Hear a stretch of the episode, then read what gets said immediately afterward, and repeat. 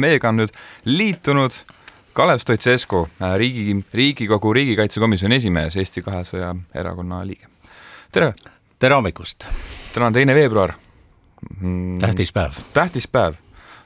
Kalev, rääkige meile, miks on täna nii tähtis päev, see on Tartu rahu aastapäev, miks see on tähtis meie jaoks? see on sama tähtis kui see, et meil on Eesti riik olemas, tead mõttes sellepärast, et nii nagu Lennart Meri ütles väga tabavalt omal ajal, et see ongi Eesti Vabariigi sünnitunnistus, sünniakt. sünniakt aga ükskord ju inimene ka sünnib ükskord, riik ka. kas äh, me küll täna hommikul tegime Sandriga äh, sissejuhatuse ka, et et siis täna, sada neli aastat tagasi Nõukogude Venemaa tunnustas meie äh, iseseisvust, meie riigi ja rippumatust. ja ri-, jah, ja, ja, ja igavesest ajast äh, igavesti. No ega sellega nüüd, selle viimase klausliga eriti kaua ju hästi selles mõttes ei läinud, et sellest, seda ilmselt üle, üle tähtsustada ei tasu, eks ole, et seda me muidugi rõhutasime hommikul, igavesest ajast igavesti. no ega mis siin ikka, ega, ega tänapäeval ei ole mingeid illusioone sellest, kuidas Venemaa rahvusvahelistest lepetest kinni peab või pigem ei pea, nii et selles mõttes me ju näeme, kuidas ta käitus Ukraina suhtes nüüd, sõites üle jämedalt nii-öelda nii kahepoolsetest lepingutest kui neljapoolsetest garantiide lepingust, sellest Budapesti memorandumist ja nii edasi, nii et sama lugu oli algusest peale, siis veel Nõukogude Liitu veel ei olnud, sest tekkis ju detsembris tuhat üheksasada kakskümmend kaks teatavasti, nii et, et siis oli tegu veel äh, Lenini poolt juhitud Nõukogude Venemaaga, kes siis teisel veebruaril tuhat üheksasada kakskümmend sõlmis Eesti Vabariigiga selle Tartu äh, äh, rahulepingu ja seal on tõepoolest äh, artikkel kahes on siis see sõnastus, et ilmtingimata ehk siis tingimusteta tunnustati Eesti iseseisvust ja rippumatust igaveseks ajaks ja see igavene aeg kestis teatavasti üheksateist ja pool aastat umbes ja see on loomulikult sellepärast, et äh, Eesti iseseisvus oli, noh, ei ole vahet, kas impeerium on valge või punane või mis värvi ta on, impeerium on impeerium. ja ta ei salli seda, et väikesed ri-, rahvad eralduvad ja elavad seal omapea nii-öelda kuskil kõrval ja nii et et nad pidasid seda, sest noh, tuli Stalini aeg kohe peale Lenini surma ja, ja siis äh, pidasid seda ajutiseks nähtuseks. oli ju esimene detsember tuhat üheksasada kakskümmend neli ja, ja, ja see kommunistliku riigipöörde katsesooritus, mis kukkus õnneks läbi, aga noh, me kõik teame neid asju kuidas selle Tartu rahu endani jõuti, et ega me ajalugu ei jõua tänases äh, saates küll täitsa lahti harutada, aga kuidas siis selleni jõuti, lihtne loogika muidugi ütleb, et äh, Vabadussõjas saadi lihtsalt nii valusalt peksa ja mis sa siis ikka, lähedki sõbralikult kohe aga kuidas selleni, oli selle, selle Tartu rahuleppeni jõudmine iseenesest kuidagi keerukam protsess? no siis oli ikka nii, et jah, Eesti Vabariigi sõjavägi oli vägev, ütleme nii, tipptasemel oli meil või no ütleme, hetkel oli umbes sada tuhat meest ja naist nii-öelda relvajõudude koosseisus ja nad tegutsesid väga hästi, no me teame, kui kaugele jõudsid punased alguses, mitte väga kaugel Tallinnast ei olnud nad ja, ja võtsid väga suure osa Eestist, aga siis lõpuks oli ju olukord selline, et ähm, Eesti väed jõudsid noh, Peterburi alla praktiliselt, Pihkva oli ära võetud ja siis nende kahe linna vaheline raudtee Põhja-Läti, no vahepeal tuli sõdida ka sakslaste Landeswehriga, eks ole, ja ja Eesti okupeeris sama suure territooriumi või isegi veel suurema tsipa, kui on noh, meie enda territoorium nii-öelda nii et see oli selline noh, üle piiride, oma piiride minek, aga see oli äh, hädavajalik, et aga noh, ikkagi oli pisike riik, sõdis väga suure riigiga, pilt on ikkagi sama, nii et ja meil ei olnud toona liitlasi, nagu meil praegu on, ütleme noh, NATO liitlased ja nii, oli mõned, mõni tuhat vabatahtlikku Soomest ja teistest äh, riikidest, aga noh, niisugust koalitsiooni meie taga ei olnud, Briti merevägi, tõsi, aitas ja see oli väga oluline, aga põhiliselt ikkagi eestlased äh, võitlesid ise oma vabaduse eest välja, ütleme, okei okay,, olid seal ka valgete väed, aga nendega oli pärast rohkem probleeme kui neist kasu ja ja, ja ju siis Lenini Venemaal oli kasulik see ja jällegi seesama motiiv, et nad pidasid seda kõike noh, niisuguseks ajutiseks asjaks, et noh, sõlmime nendega korraks rahu ja küll nad pärast tagasi tulevad. me peame seda päeva, teist veebruari ülioluliseks ja seda dokumenti ülioluliseks, aga Tartu rahu järgselt olid ju Eesti Vabariigi piirid hoopis suuremad, märksa suuremad ja nüüdseks mul on tunne, et on noh, silm kinni pigistatud, mis seal ikka, minu esivanemate keskus Petseri on vist läinud, et ega seda me tagasi ju kuidagi ei saa.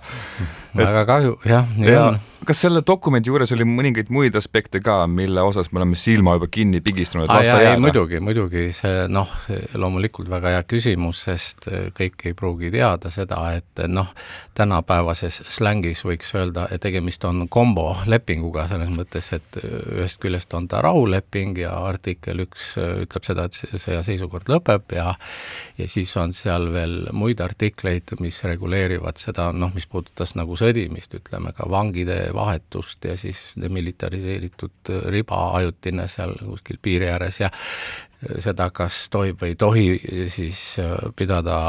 relvadega sõjalaevu Peipsi järvel, jah, muid selliseid asju on seal palju, ütleme, aga siis oli see tunnustamise aspekt igaveseks ajaks, eks ole, mis on ülioluline, vot see artikkel kaks ongi see, mis kehtib tänapäevani ülejäänud eedud, see on aegumatu ja tänu sellele on ka Tartu rahuleping meie jaoks, aegumatus on meie õigusliku järjepidevuse alus. aga siis artikkel kolm on siis selline, kus siis tõepoolest sätestati äh, seda riigipiiri, eks ole, sest seda noh, varem niimoodi ei olnud, olid mingi kubermangu või ma ei tea, mis piirid seal. Ja üleüldse Eesti oli ju nii, et Lõuna-Eesti oli ju koos lätlastega varem, eks ole, Liivimaa, Kubermangus ja, ja noh, nii et tekkis nagu rahvusriigi põhimõttel, meil tuli ka Lätiga panna piir öö, paika, eks ole, seegi oli pikk protsess, aga, aga noh, venelastega pandi see joon paika, mis tõepoolest oli umbes kaksteist kilomeetrit Narva jõest idas ja see oli sõjalise loogika järgi toona, umbes nii kaugele, kui kahurid lasid et ei saaks Venemaa territooriumil no otse, noh, see muidugi, see, see, selle tähendus varsti aegus niimoodi. ja siis oli veel äh, Petserimaa ja, ja, see oli ju ka Eesti Vabariigi ajal äh, omaette administratiivüksus ja ja noh, ütleme nüüd siis tänapäeval oleme selle Tartu rahupiiriga võrreldes kaotanud umbes viis protsenti oma territooriumist, ühe kahekümnendiku, aga noh, nii see on, see tänapäevane reaalsus, need piirimuudatused tehti siis aastatel nelikümmend neli, nelikümmend viis, ja, ja reaalselt võttes noh, samamoodi on Venemaa maid ära võtnud Soomelt, meilt, Lätilt kuni Jaapanini välja, räägime Kuriili saartest, nii et noh, ma olen ise osalenud piiriläbirääkimistel, tean, et nemad ei taha mingil juhul mingit pretsedenti luua, et ühele riigile ütlevad, tagastavad ükskõik, kas ülisuure kompensatsiooni eest või mis iganes nimel, sellepärast et see avab nende jaoks Pandora laeka, et siis kõik teised hakkavad seda nõudma. Petseri on läinud, jah? ma ütleks nii, et praktiliselt seda on jube raske öelda ja tegelikult õigus on ju selgelt meie poole sellesama Tartu rahi, rahulepingu mõttes ja aga tihti ongi nii elus, et sul on õigus, aga mida sa selle õigusega peale hakkad, kui reaalne elu on tegelikult teine ja, ja sa ei saa seda õigust teostada tegelikult. Jah, me ei pruugi loobuda sellest ühest küljest, aga noh, me oleme piirilepingu siiski Venemaaga teinud äh, ka sellel põhimõttel, ma olen sellest palju kirjutanud, et äh, seal on põhimõtteliselt venekeelne elanikkond, Vene kodanikud,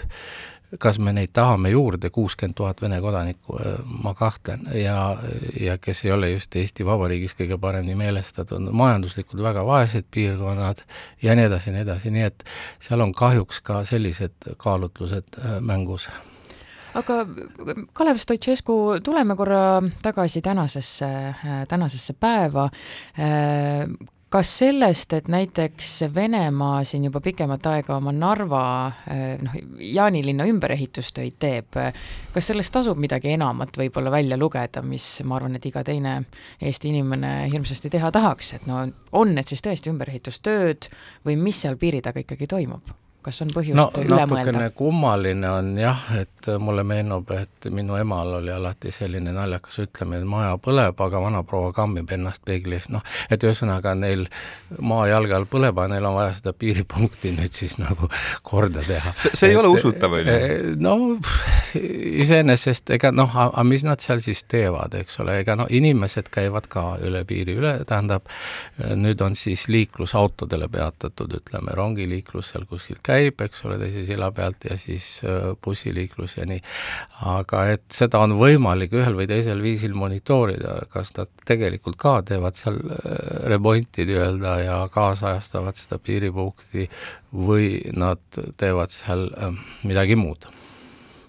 ja kindlasti ole, ma pean küsima ka teilt, nagu me oleme küsinud siin julgeoleku teemadel korduvalt, kõik need viimase aja pealkirjad, ja kogu selline jutt üle ilma nii NATO-st, USA-st, lõpetades ka meie enda naabritega võib-olla, et tsiviilelanikud, pange valmis, varem või hiljem nüüd ikkagi see sõda NATO aladele tuleb. mis on teie hinnang sellele või noh, nendele pealkirjadele ja sellistele hoiatustele, et kas need on põhjendatud või me muretseme võib-olla liiga ette ja liiga üle? vaadake, alati on tähtis ka selles kontekstis eriti, sest tegemist on ju väga tundliku teemaga, siin on väga palju emotsioone, inimesed on ärevad, ka minu käest on küsinud väga paljud inimesed, et me arutame seda oma peres, et mõni taksojuht, kes iganes, teate, et kas ikka tulevad meile kallale ja nii, inimeste ärevus ju tõuseb ja ja sellepärast üks asi on see, et me, inimesed peavad olema teadlikud olukorrast ja nii, aga küsimus ei olnud see, mida sa ütled, vaid ka kuidas sa seda ütled välja vot minul oli ühes arvamusartiklis etteheide mitte sellele, et me sellest räägime, vaid sellest, kuidas me seda käsitleme. ja see on väga oluline aspekt, loomulikult äh, see on teema, millest peab rääkima, sellepärast et see on reaalne ja see on aktuaalne ja aga see, et, ähm, et serveerida seda umbes, et noh, meil noh, nüüd vaatame seda kellaaega, seda kuupäeva siin seina peal kalendris, et äh, aeg tiksub, et kolme aasta pärast nad on meil kallal, see ei ole päris nii. tähendab, et äh, loomulikult me teame, et äh, nad tahaksid väga NATO-t nii-öelda paika panna ühel või teisel viisil selle eest, et, et me oleme toetanud ja toetame Ukrainat ja, ja nad saavad seal peksa, ütleme, ja nii edasi, on ju. ja aga üks asi on kavatsus, teine asi on see, kas neil on see võime olemas kunagi jälle ja, ja see sõltub ka väga paljudest asjadest, millal ja kuidas see sõda Ukraina lõpeb ja kui palju on Venemaa suuteline ja nii edasi, ja lõpuks on ikkagi see kaine hinnang neil, kas ikka tasub. Ja see on väga suur küsimärk, isegi kui ma ei tea, kolme, viie, seitsme, üheksa aasta pärast see Venemaa on kunagi noh, mingisuguses seisus, et nad on noh, justkui taastanud oma sõjalist võimet, et kas nad ikkagi julgevad seda teha, rünnata NATO-t? Sest rünnates Eestit, Soomet, keda iganes, Poolat, Norrat, nad ründavad ju NATO-t. Nad ju saavad sellest ju väga selgelt aru. Ja kui nad ei ole seda seni teinud, siis nad ei ole seda seni teinud ühel väga heal põhjusel, järelikult nad saavad aru sellest. ja siis on jälle küsimus sellest, kas nad on arust ära mingi hetk juba noh, nii pöördes, et nad enam ei kontrolli, nad teevad puhtalt emotsioonide pealt noh, otsuseid ja noh, selge see, et Ukraina ründamine sellises mastaabis, nagu nad seda tegid ja sellisel viisil kaks aastat tagasi, oli jumala selge noh, vale rehkendus. ja, ja nad hindasid totaalselt valesti nii, nii Ukraina äh, võimet ja kaits-, tahet ennast kaitsta, kui ka meie tahet Ukrainat toetada, nad kasutasid kõikvõimalikud nipid kuni tuumaähvardusteni välja, no ei tööta. et kas nad uuesti ei tee kunagi sellist vale kalkulatsiooni, aga noh, veel kord,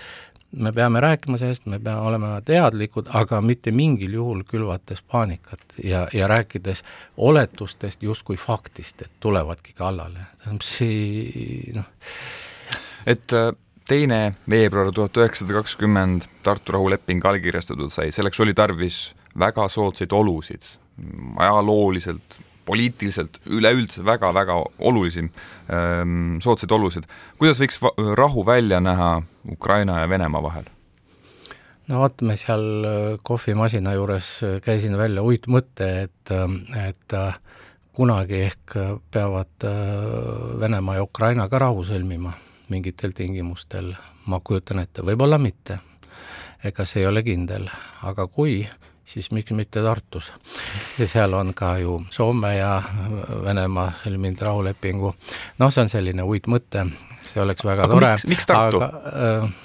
aga sellepärast, et, äh, et siis on lootus, et äkki saab sinna rahulepingusse samasuguse sõnastuse, et Venemaa tunnustab igaveseks ajaks Ukraina rippumatuse. äkki õnnestub, see on noh, selline tore võib-olla noh, loomulikult soovmõtlemise kategooriasse minev mõte, aga aga noh, seda enam, et noh, see, kui mingi rahukokkulepe sõlmitakse nende vahel, siis see kindlasti tuleb, ma arvan, neutraalsel territooriumil, ei Venemaal ega Ukrainas, et siis mingis kolmandas riigis, aga noh, vaevalt, et Venemaa nõustub, et see on NATO riik, kus seda tehakse, aga eks elame-näeme suur aitäh teile täna hommikul meiega Kuku raadios arutlemast, Kalev Stoicescu ja ja tuleb ka meelde tuletada, et, et lisaks julgeolekualade ekspertiisile tegutsete te ju ikka ka Riigikogus ja praegu on istungitevaba nädal, aga järgmine Just. nädal hakkab töö pihta. soovime jõudu selleks, mis muud! aitäh, aitäh ja loodame, et saame ikka jätkuvalt äh, riigikaitset tugevdada ja seda, see on meie töö